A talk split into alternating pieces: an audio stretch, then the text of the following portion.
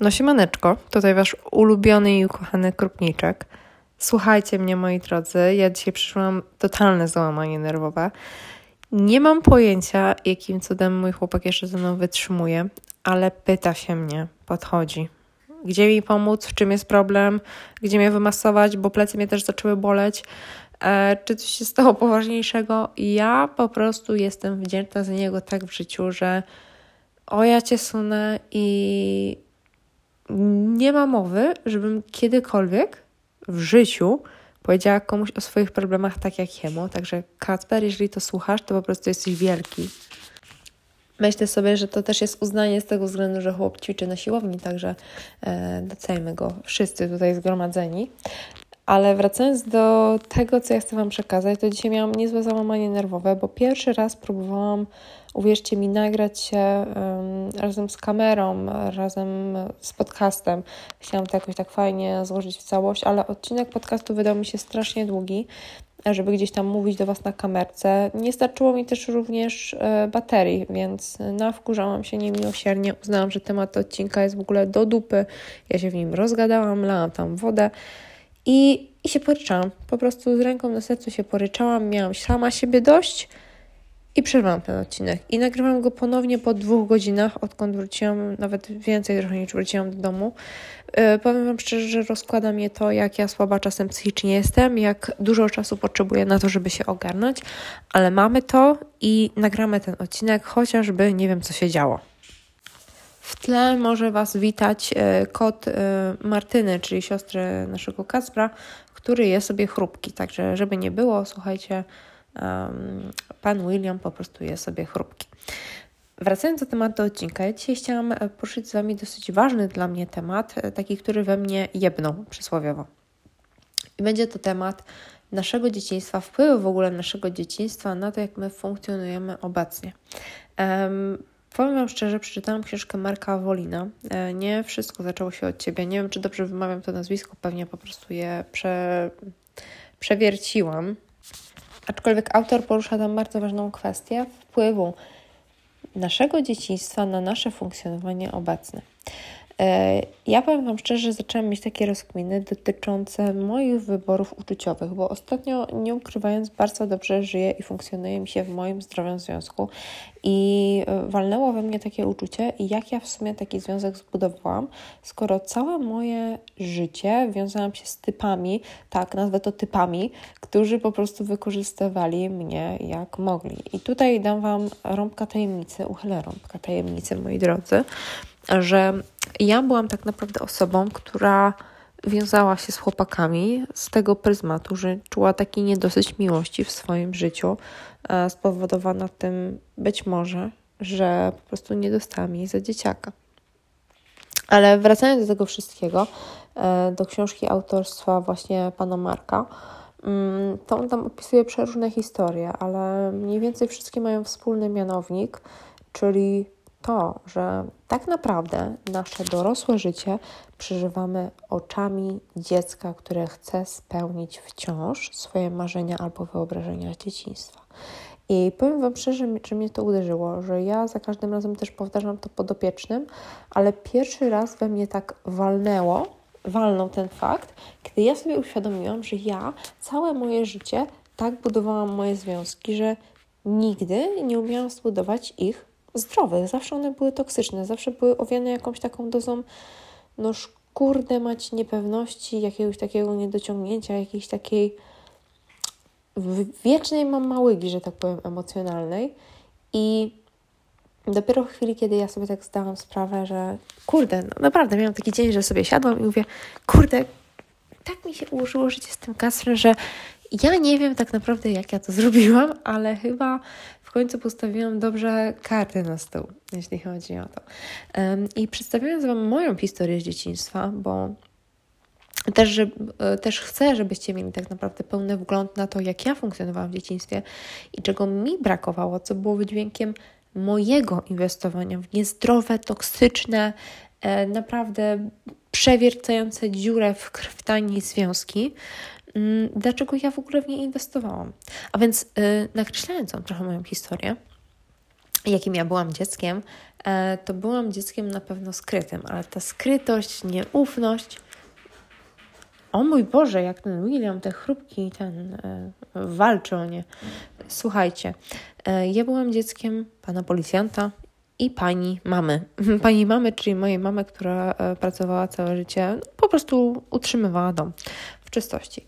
Mm, mój tata był taki, że zawsze wszystko musiało być jak do linijki, zawsze musiał wiedzieć, gdzie idę, co robię, jak robię, z kim się szlajam, czego nie robię, jak się uczę, jakie mam oceny, jakich mam znajomych. Um, uwierzcie mi, że całe moje życie było pod lupą. Było tak na szpilkach, że ja musiałam też rozpoznawać emocje mojego taty, czyli przykładowo jak był zły i wiem, że dostałabym w pierdol za przeproszeniem, to zawsze uważałam, żeby tego wpierdolu nie dostać.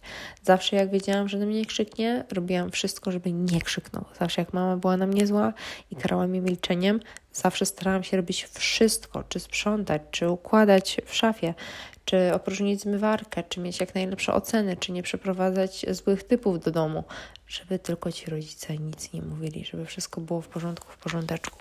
I powiem Wam szczerze, że ja się nauczyłam tak właśnie rozróżniać emocje, ale też po trochu żyć pod kloszem, po trochu nie doświadczać życia, nie dawać szansy zaufania ludziom naprawdę wartościowym, a inwestować w piękne słowa i obłudę.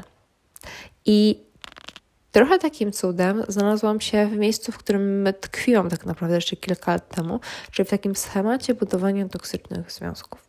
I zaczynając ym, od takiego pryzmatu moich związki, związków, to moje związki zawsze polegały na tym, że mój chłopak był moim albo inaczej, jedyną osobą, którą ja się na ten moment zwierzałam. Bo słowo przyjaciel, słowo związek, słowo miłość to w ogóle są tak górnolotne rzeczy, które ja się wstydzę teraz używać bezsensownie na przestrzeni lat. Na serio, z ręką na sercu.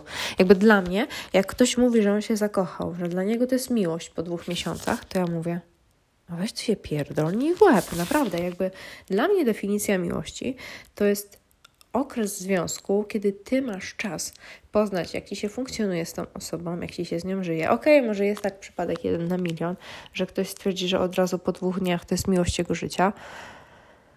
But come on, ludzie, jakby miłość wymaga tego, i to nie jest jak w książkach, że się właśnie tak zakochujecie w niebo wzięci, w ogóle ślub bierzecie czwartego dnia o znajomości, ale Według mnie miłość jest wystawiana na zajebiście długie próby czasu. Kłótnie, związki, płacze, e, wytykanie palcami, czego się nie zrobiło, wkurwianie się, bekanie, pierdzenie. Jakby to wszystko musisz poznać, żeby zobaczyć, czym jest prawdziwa miłość i czym jest prawdziwe funkcjonowanie z drugim człowiekiem. Tutaj nie mówię o chłopaku, być może dziewczynie, dziewczynie, bo tak naprawdę czy ja musiałam być z chłopakiem kiedykolwiek? Nie, oczywiście mogłam być dziewczyną.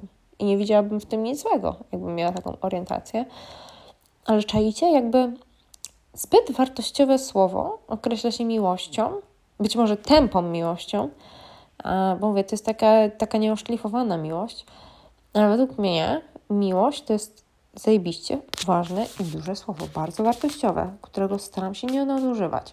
Więc sugerując się moimi poprzednimi związkami z partnerami albo też przyjaciółmi, bo nie ukrywając, ja też miałam dosyć dużą styczność z osobami, które przykładowo miały problemy z prawem, e, obrywały za sprawy narkotykowe, czy były po prostu e, narkomanami. No i wracając do tej sprawy, dlaczego ja całe moje życie jakby uwiązywałam się do tych ludzi, to nie chodzi o to, sam fakt jakby tego, że one były toksyczne, bo z fakt faktem, no kurwa, no były toksyczne i nie da się tego wyprzeć. E, kto by chciał mieć kolegę czy kumpla narkomana, czy kto by chciał mieć e, chłopaka. I tutaj mogę Wam wymienić z marszu, że jeden był socjopatą. To miałam w wieku 15 lat chłopaka, który rzeczywiście miał stwierdzoną socjopatię. Chodził ze mną do klasy. Chodził ze mną do klasy, Um, nawet nasz związek był troszeczkę zainicjowany przez tą klasę i przez naszą wychowawczynię, co w ogóle this is bardzo sick. A kolejny mój chłopak był 13 lat starszy, czyli tutaj zajebiste daddy issues. Totalne wykorzystywanie, czy to seksualne, czy to mentalne. Następny mój chłopak wykorzystał już mnie seksualnie pod wpływem narkotyków. I to był chyba najgorszy czas w moim życiu, kiedy dostałam dosyć poważnej depresji. Um, I no, powiem Wam szczerze, nie umiałam tego przeżyć sama ze sobą, że ktoś właśnie w taki sposób mnie wykorzystał i, i gdzieś tam już potem z mojego życia mm, zniknął. Po prostu zniknął. E, następny związek gdzieś tam z moim chłopakiem to związek, który był zainicjowany po prostu z takiej pustki, aż w końcu trafiłam na kogoś, kogo zajebiście spławiłam, gdzie uważam, że też ominęło mnie pewne, pewne dobre uczucie, bo byłam w sobie pełna zawiści, aż w końcu, po tym jak przepracowałam taki ból psychiczny, fizyczny w sobie, umiałam znaleźć prawdziwą miłość, ale potrzebowałam takiego oddechu i rzeczywiście zrozumienia, że ja robię sobie coś złego, coś złego, próbując ratować jakieś takie moje wizję dobrego związku, wizję tego, że ktoś mnie potrzebuje, wizję tego, że ktoś w końcu mi zaufał, wizję tego, że staram się jakby ratować ten związek.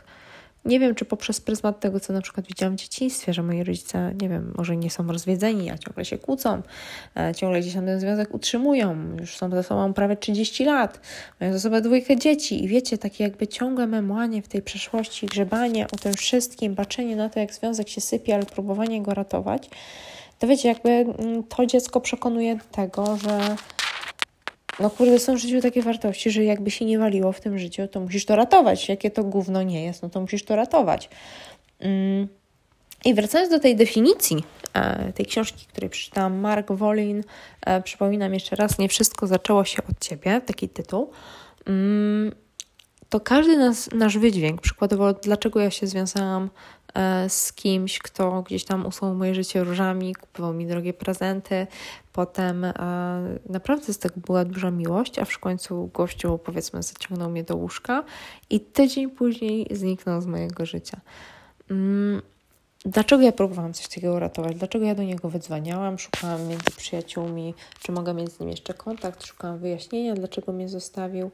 Um, Szczerze Wam powiem, że to właśnie było to małe dziecko, które potrzebowało wyjaśnienia, które czuło się porzucone, czuło, że ono zrobiło coś nie tak, bo ta mama, ten tata w dzieciństwie właśnie w taki sposób pokazywali Ci swoją złość na Ciebie, że zrobiłaś coś złego.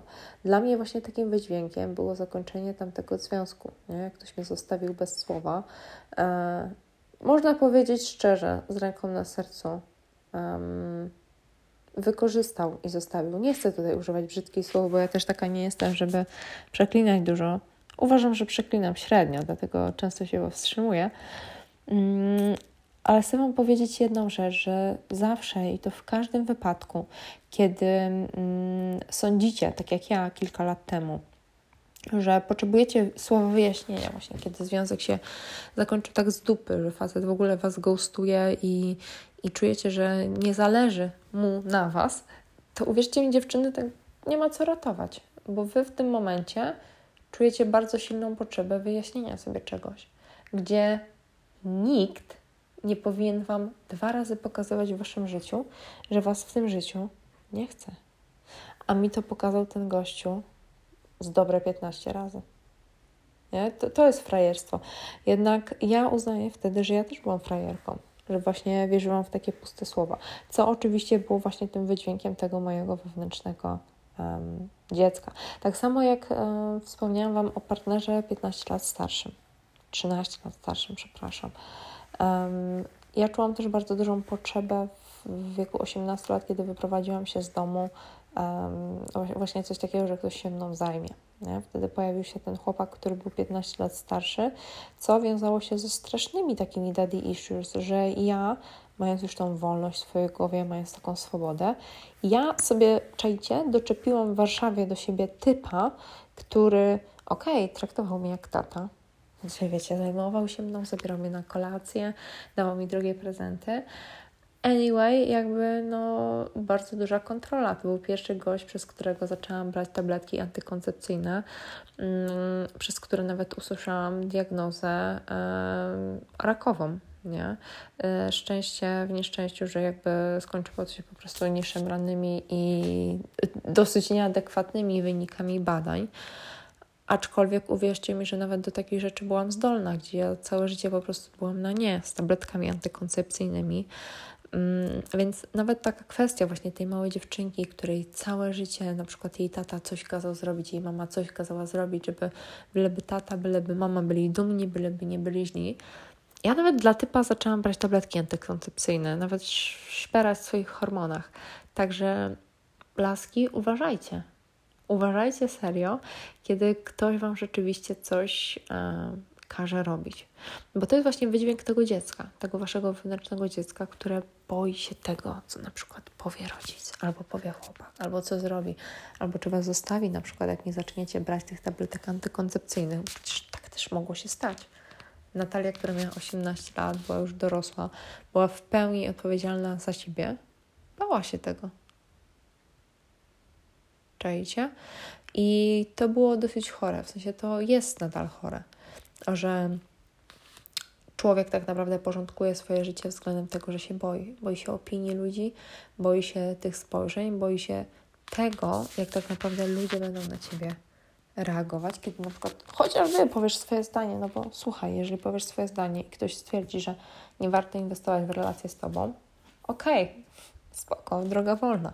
Bo uwierzcie mi, że to wcale nie jest tak, że ta relacja przetrwała. To potrwało rok i jakby sayonara, bo każdy z nas rozeszło się w swoją stronę, każdy z nas miało swoje życie i ja też miałam taki etap, gdzie ok, pozwalałam sobie sobą manipulować, wyznaczać pewne tory funkcjonowania, ale w którymś momencie musiałam rzeczywiście uciąć tą relację, żeby nie doprowadzić do tego, żeby no, na przykład gościu, nie wiem, każe mi brać ślub w wieku 20 lat i rodzić sobie dzieci. Nie? Mm, także gdzieś tam to moje wewnętrzne dziecko się zbuntowało, ale wizja tego wszystkiego, ja Wam powiem szczerze, że, że dobrze, że mam za sobą psychoterapię, chociaż e, nie jestem osobą, która stricte wierzy w dobrych specjalistów. Uważam, że jest ich bardzo mało i trafić na kogoś, kto się zna na rzeczy jest bardzo trudno, ale no z ręką na sercu, tak szczerze, uważam, że gdybym nie miała możliwości przepracowania wielu rzeczy po moich takich toksycznych zerwaniach z chłopakami, E, toksycznych związkach z facetami, to uważam, że nadal popełniałabym masę błędów i nadal niesamowicie izolowałabym swoje uczucia w zależności od tego, jak kto ma ochotę na przykład mną manipulować. Nie? Hmm, ważna sprawa, którą chcę Wam powiedzieć, ważna sprawa o, o takim podejściu do tego wewnętrznego swojego dziecka, bo tak jak ja mówię, ja miałam możliwość przepracowania swoich błędów. Ja miałam możliwość wyłapania tego, że ja jestem w sumie tym wewnętrznym dzieckiem, że jestem tą pierdołą taką chodzącą, która daje sobą manipulować. I w którymś momencie moja terapeutka powiedziała mi właśnie o tej książce, powiedziała mi o tych mm, zależnościach, które ja tak naprawdę powinnam w sobie przepracować, bo moje wszelkie ruchy, moje wszelkie zgadzania się na pewne mm, insynuacje ze strony chłopaków, moje pewne związki są związane z tym, że ja mam tak silną i tak zajebiście dużą obawę odrzucenia, że to jest kurde piękne. I w tym momencie, kiedy zaczęłam sobie z tego zdawać sprawę, to mówiłam, kurde, musimy to w końcu przepracować. I uwierzcie mi, że to się wiązało z dosyć dużym bólem, bo to się wiązało też z zerwaniem znajomości, zerwaniem związków przede wszystkim i pobyciem trochę samą. To pobycie trochę samą i zrozumieniem rzeczywiście swoich uczuć, gdzie uczucia są naprawdę trudne. I uwierzcie mi, że przepracować swoje uczucia to jest dosyć duży wyczyn, dosyć duża inwestycja, dosyć duże odizolowanie się od dużej części społeczeństwa, ludzi, takie mm, afiszowanie się z, ze swoją samotnością też uważam, bo, bo człowiek, który myśli, człowiek, który rozważa z Wami znajomość, to moim zdaniem nie jest człowiek głupi. To jest człowiek, który rzeczywiście coś tam e, przeżył w, swoim życiu. Mm, tak na przykład jak ja. Wiele osób, które gdzieś tam mnie spotka, uważa, że jestem zajebiście otwarta, ale dosyć ciężko jest ze mną nawiązać przyjaźń. I sama też tego nie ukrywam, że jestem okropnie ciężką osobą do nawiązania takiej dłuższej znajomości, że ja nienawidzę ufać ludziom, bo ja wiem, że muszę się dosyć długo na kimś przekonywać, żeby zbudować z nim piękną relację. Nie? Że to jest inwestycja na całe życie, na takie moje funkcjonowanie ze sobą w zgodzie. Nie? Że ja czuję, że ta osoba przykładowo nie będzie dla mnie w ogóle toksyczna i nie wpłynie na moje życie w taki sposób, że będzie mną e, manipulować. E, I to jest w ogóle śmieszne, bo ja mm, powiem Wam tak, po przepracowaniu całej terapii, po zobaczeniu tego, ile czasu straciłam na to, żeby tłumaczyć sobie pewne zależności tego, co zrobili moi chłopacy, czego nie zrobili, w jakie ja związki wchodziłam, w jakie nie wchodziłam, e, co w życiu omijałam, ile dobra tak naprawdę omijałam, to ja się sama ze sobą otrząsnęłam. To był też zajebisty czas, kiedy zaczęłam intensywnie pracować nad moją książką. Swoją drogą ona ma premierę już w 2024, także zapraszam. Ona będzie o związkach, będzie e, troszeczkę o zaburzeniach odżywiania, troszeczkę o zaburzeniach osobowości. Mm, to będzie autobiografia na przestrzeni reportażu. Także myślę, że bardzo ciekawy wątek. Mogę Wam wstawić opis mojej książki, o czym będzie, właśnie w opisie tego podcastu. Mm. I wracając do tego przepracowania tych emocji, musiałam rzeczywiście długi czas być sama, żeby zobaczyć, że ja prawdziwy związek mm, nie, nie potrzebuję gdzieś tam go znaleźć na Tinderze co też się zdarzało. Nie potrzebuję go mieć e, blisko, nie potrzebuję tego związku mieć na podstawie tego, że nasi znajomi się wspólnie znają i o, nasza rodzina się zna i o, będzie super, bo będą dzieciaki przyszłe, które jeszcze się nie urodziły albo być może urodzą się za 15 lat, że nasza rodzina będzie, nie wiem, jakaś taka fajna, nie wiem, będą mieć z nimi kontakt i tak dalej, i tak dalej głupie myśli, które tak naprawdę mogą się w ogóle nie spełnić. Ja całe moje życie, tak jak zostałam nauczona, tak jak ciągle poruszam temat e, tej książki, tego, te, tego wątka takiego mm, e, dziecka, że tak powiem, naznaczonego, mm, to ja porzuciłam bycie w moim ży życiu, bycie w moim życiu e, reżyserem. Powiem Wam szczerze, że reżyser, który gdzieś tam reżyseruje cały film, e, ogląda daną scenę 280 razy, to on nie obejrzy tego filmu albo tej sceny, tak samo jak ogląda to widz, który idzie na premierę. Ty, programując całe swoje życie, uświadom sobie, że nie pozwalasz sobie tego życia sobie samej przeżywać, co jest niesamowicie e, bolące, niesamowicie karcące same dla ciebie. Mm, I ja tak sobie myślę, nie? Bo gdzieś tam znalazłam tego mojego Kacpra i moje życie naprawdę teraz jest cudowne. Jakby jak, jak ja bym mogła określić moje życie, to jest przezajebiste. Ja niedługo sobie lecę na wakacje. Mam u boku swojego chłopaka, który mnie kocha. Ja mu ryczę, krzyczę na niego, wyzywam go, po prostu on mnie nadal kocha. Ja wiem, że jestem zajebiście toksyczna czasami, ale on mnie rozumie, on mnie porządkuje, on mnie stawia do pionu, on mi pokazuje, że można inaczej. Ja mam teraz zajebistą rodzinę. Ja swojej rodziny, okej, okay, nazwę ją rodziną, ale nie uważam jej za rodzinę. Ja swoją rodzinę, jakby wiecie, przejęłam bardziej tak w stronę mojego chłopaka. Ja mam nowych przyjaciół, ja mam nowych znajomych, ja mam zajebistą pracę, którą kocham i mogłabym żyć nią całe swoje życie. Uwierzcie mi. Jadę sobie na wakacje do Chorwacji. Lecę w sumie. Żyć nie umierać.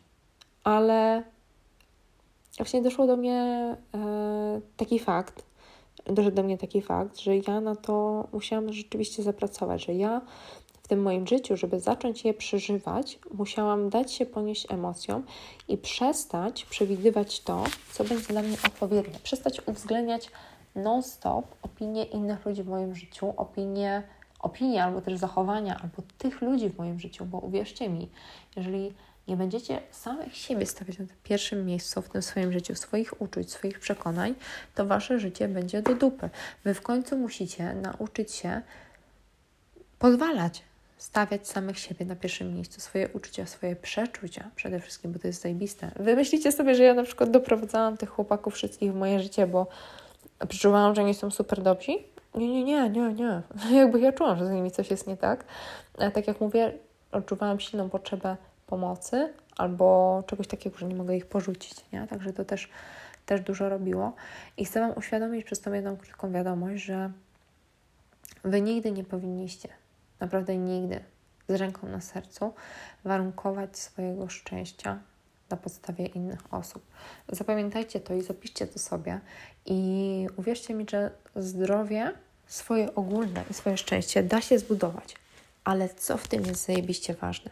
To, o czym ja powiedziałam na samym początku, czyli powiedzenie do widzenia, puszczenie za rękę, powiedzenie cześć temu swojemu małemu wewnętrznemu dziecku, które jeszcze steruje naszymi różnymi wyborami. Tak jak powiedziałam, wy, ty możesz chcieć w życiu, żeby było idealnie. Ty możesz chcieć, żeby wszystkie Twoje relacje były super. Ty możesz chcieć, żeby relacja z jedzeniem była w porządku. Ty możesz chcieć, żeby gdzieś tam ta anoreksja odeszła od ciebie, czy bulimia, czy napady na jedzenie. Ty możesz tego wszystkiego chcieć. I to może być dla ciebie zajebiście trudne do zrobienia. Ty możesz to rzucić w kąt. Ale jeżeli poczujesz za każdym razem, że ta idealność jest propagowana na przykład przez Twoje wewnętrzne dziecko, że nie dopuszczasz do siebie tych błędów, bo się boisz porażek, to uświadom sobie to wewnętrzne dziecko. Zobacz na przykład, jak Ty jako dziecko funkcjonowałaś.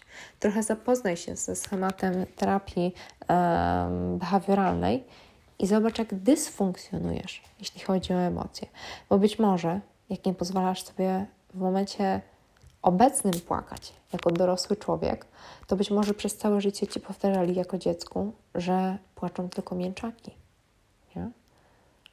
Albo musisz być silna, musisz być niezależna. Może przez całe Twoje życie Twój tata albo Twoja mama nie umieli sobie poradzić z życiem.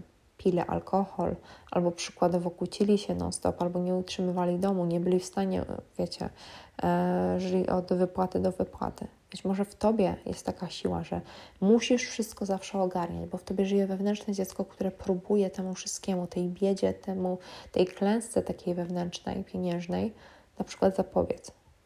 Zajebiście warto jest rozpracować swoje wewnętrzne dziecko i to rozpracowanie tego wewnętrznego dziecka, tych uczuć, które miałam w sobie, tej zależności, tej takiej manii tak na, naprawdę, kontroli, dobiegania, dociekania, sprawdzania swoich partnerów. Ja musiałam to wewnętrzne dziecko porzucić, żeby tak jak mówię, zbudować zdrowy, silny związek z moim chłopakiem.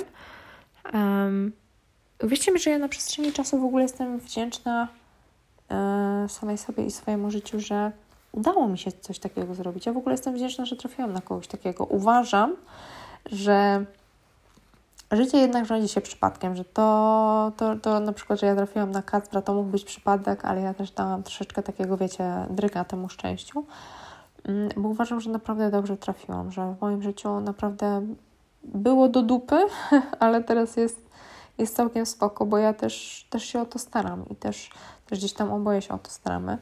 Mm, nie ukrywam, że ten odcinek też powstał z takiego, z takiego drygu, że często gdzieś tam mnie mm, pytacie, że słyszycie nie? Na, na moich TikTokach czy różnych takich, że e, poznałam tą czy tamtą sytuację, czy, czy miałam taką, a nie inną sytuację w swoim życiu. Jakby teraz jest dobrze, teraz jest w porządku i jak ja to zrobiłam. Um, to tak jak mówię, ja rozpracowałam zarobiście swoje wewnętrzne Wewnętrzne dziecko.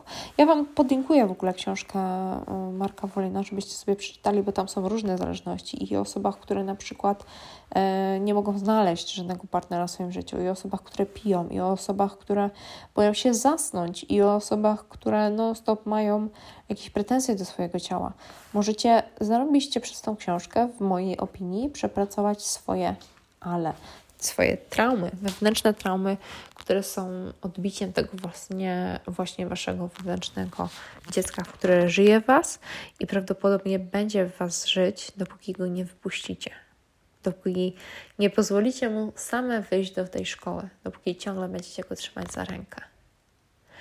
Mm, ja rozwieję jeszcze temat wewnętrznego dziecka w, w kolejnych odcinkach, aczkolwiek myślę sobie, że jeszcze tutaj um, wplączę w ten odcinek e, gościa. Myślę, że to będzie bardzo fajny pomysł. E, zawsze dawajcie mi znak, jak Wam się podobały konkretne odcinki. Często na DM-ach na Instagramie dostaję od Was wiadomości, czy Wam się podobały. Ostatnio podcast był właśnie z moją podobieczną Basią, gdzie rozmawiałyśmy o, o roli mamy tak naprawdę w naszym życiu. E, miał fajny odbiór. Bardzo Wam dziękuję, że w ogóle słuchacie moich podcastów.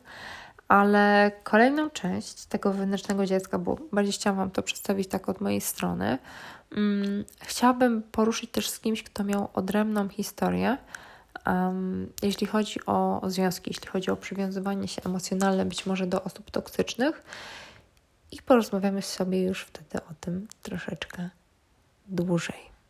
Krupniczek Was żegna na moment obecny yy, i dziękuję za przesłuchanie mojego podcastu. Mam nadzieję, że miło Wam się słuchało i mam nadzieję, że do usłyszenia. Wpadajcie koniecznie na media społecznościowe.